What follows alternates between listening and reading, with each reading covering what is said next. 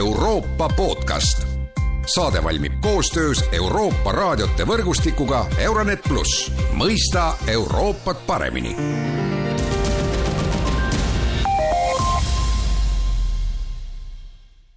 tere päevast ja tere kuulama Euroopa podcasti. üheksanda mai tähistamine on tekitanud Ukraina sõja tõttu Eestis igasuguseid kartusi. ent ei tohiks unustada, et üheksas mai on ka Euroopa päev ja selle päeva tähendusest ongi täna Euroopa podcasti stuudiosse tulnud rääkima Euroopa Komisjoni Eesti esinduse juht Vivian Loonela, tere päevast! tere! mina olen Erkki Vahovski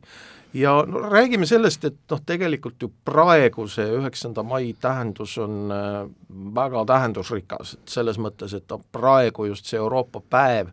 ja sellega koos ka kõik need euroopalikud väärtused vastanduvad siis äh, selle Venemaa üheksanda mai tähendusele, võidupühale ja nii edasi ja no me teame väga hästi omast ajaloolisest kogemusest, et see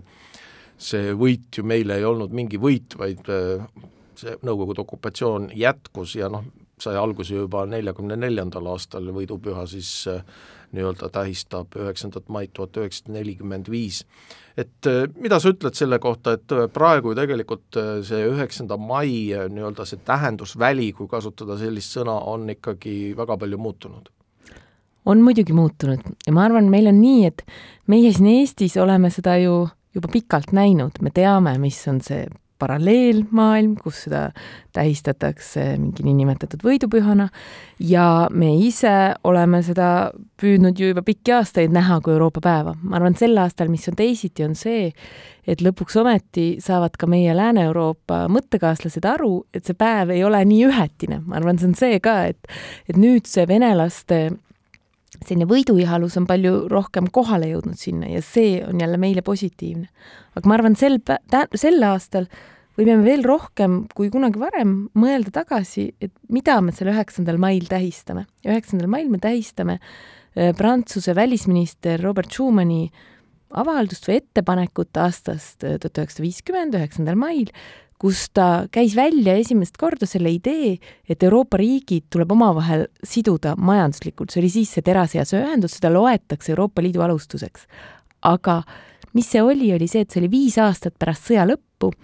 kui ta tuli selle mõttega, et kui me need riigid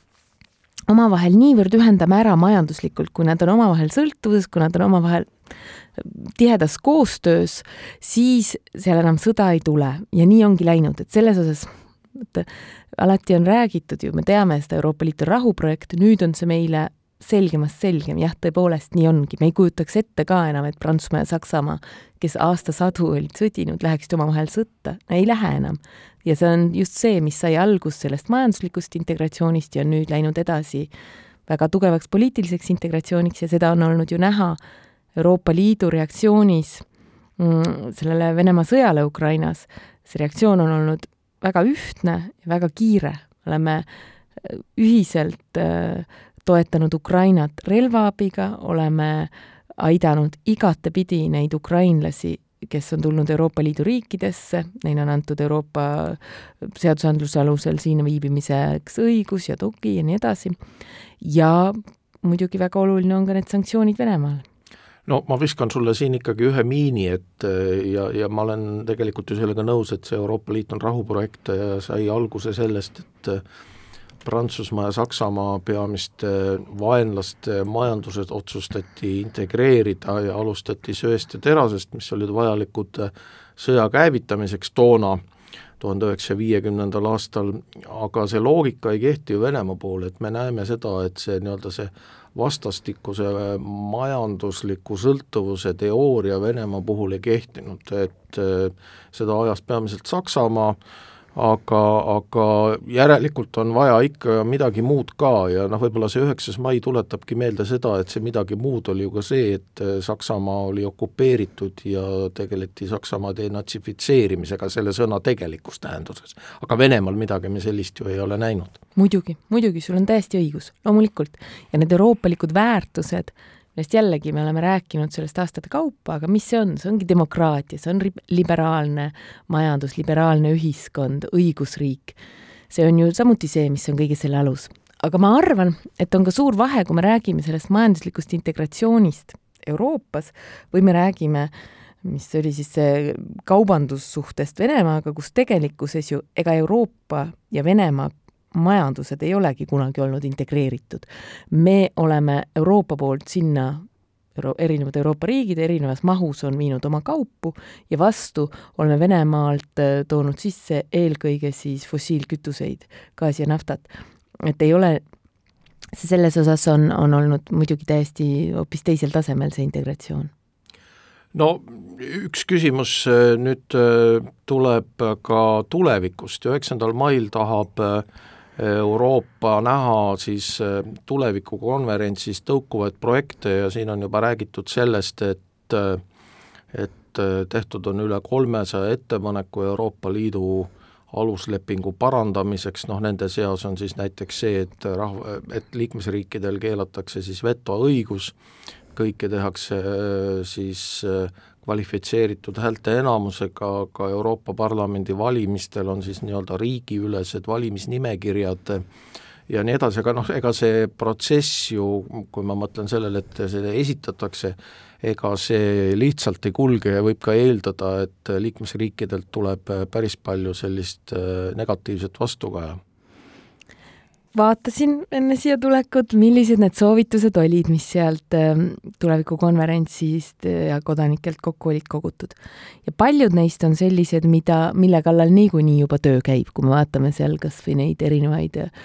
roheleppe või rohepöördega seotud ettepanekuid, neid asju tehakse niikuinii Euroopa Liidus, aga jah, oli ka uusi uuendusi, samuti, mis sa seal mainisid.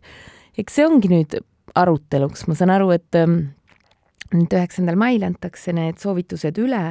nii Euroopa Parlamendile, Euroopa mm, liikmesriikide nõukogu eesistujale äh, kui komisjoni presidendile ja, ja siis läheb edasi see arutelu, et mis nendega siis ette võtta.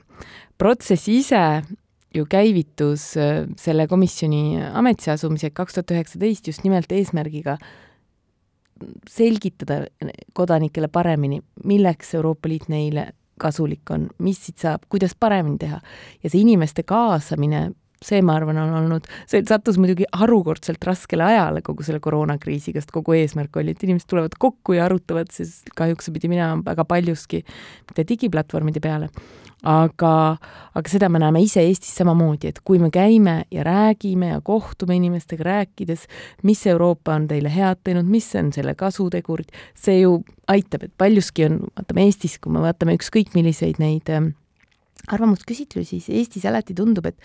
või küsitlustest tuleb välja, et justkui meie hääl Euroopas ei kõlaks. tegelikkuses, kui me vaatame, meil praktiliselt ei ole, nüüd me oleme see aasta kaheksateist aastat juba Euroopa Liidus, meil praktiliselt ei ole neid ettepanekuid, kus me üldse ei saa rahul olla sellega, mis on vastu võetud. alati on nii, et kui meil on mingid suured hädad, siis me leiame sinna lahenduse, meid kuulatakse ja kui me vaatame nendes, mis on Eesti põhiteemad, ütleme digi ja Venemaa, nendes on Euroopa Liit väga paljugi meie nägu oma otsustes no ja mida siis üheksandal mail äh, nii-öelda see tavaline inimene võiks siis teha, et et, et mis teda ees ootab, kui ta ütleme, kui me räägime näiteks Tallinnast, aga võib-olla ka ülejäänud Eestist, et et äh, Euroopa päeva tähistamine, et mis äh, võiksid olla need tema tegevused, et noh, loomulikult on inimesed vaba, vabad ise otsustama, mida nad oma vaba ajaga teevad, aga aga mida sina välja tooksid ähm,? Esmaspäeval, üheksandal mail on meil mm, kell kaksteist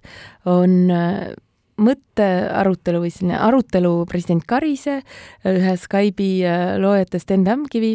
ja väga imelise noore õpilase Anna-Maria Linderiga, kus me räägimegi just nendest Euroopa väärtustest, äh, sellest, mis me näeme, mis Euroopa Liit on, mis ta tähendab Eesti inimese jaoks, kuidas seda üheksandat maid sel aastal lahti mõtestada. see on ka ERR-is ja Delfis otse üle kantud. Äh, siis on meil kõigis või ütleme, kuues suuremas linnas, Tallinn, Tartu, Narva, Kuressaare, Pärnu ja Võru on sellised orienteerumismängud, see on juba iga-aastane traditsioon, kus saab käia mööda erinevaid neid euroradasid ja koguda omale orienteerumistähiseid sealt ja osaleda siis äh, auhindade väljaloosimisel. ja kõigis neis kuues linnas on ka telgid. me tegime nüüd juba viimast paar kuud Rakett kuuekümne üheksaga väga ägedat koostööd Rohelend, kus kooliõpilased siis tulid välja oma ettepanekutega, kuidas leiutada midagi, nii nagu Eestis on kombeks, leiutada midagi, kuidas oma kogukonda või oma maakonda või Eestit teha rohelisemaks. ja Rakett kuuekümne üheksa tiim siis on välja valinud, kes on igas selles linnas kolm parimat tiimi, nad tulevad kokku, näitavad, on nagu selline lõppvõistlus ja võidet-, valitakse välja ka võitja. ja õhtul kell kaheksa on Välisministeeriumi ees traditsiooniline katusekontsert, kuhu soovitan kõigil kohale tulla. seal on Nublu, Gameboy Tetris, Fiata Vatra, Metsatöll, et saab kindlasti olema selline ilus lõpetus sellele päevale. aitäh Vivian Loonela ja loodame tõesti siis, et üheksas mai kulgeb sellise Euroopa päeva tähe all, kõike head ja kuulmiseni siit Euroopa podcastist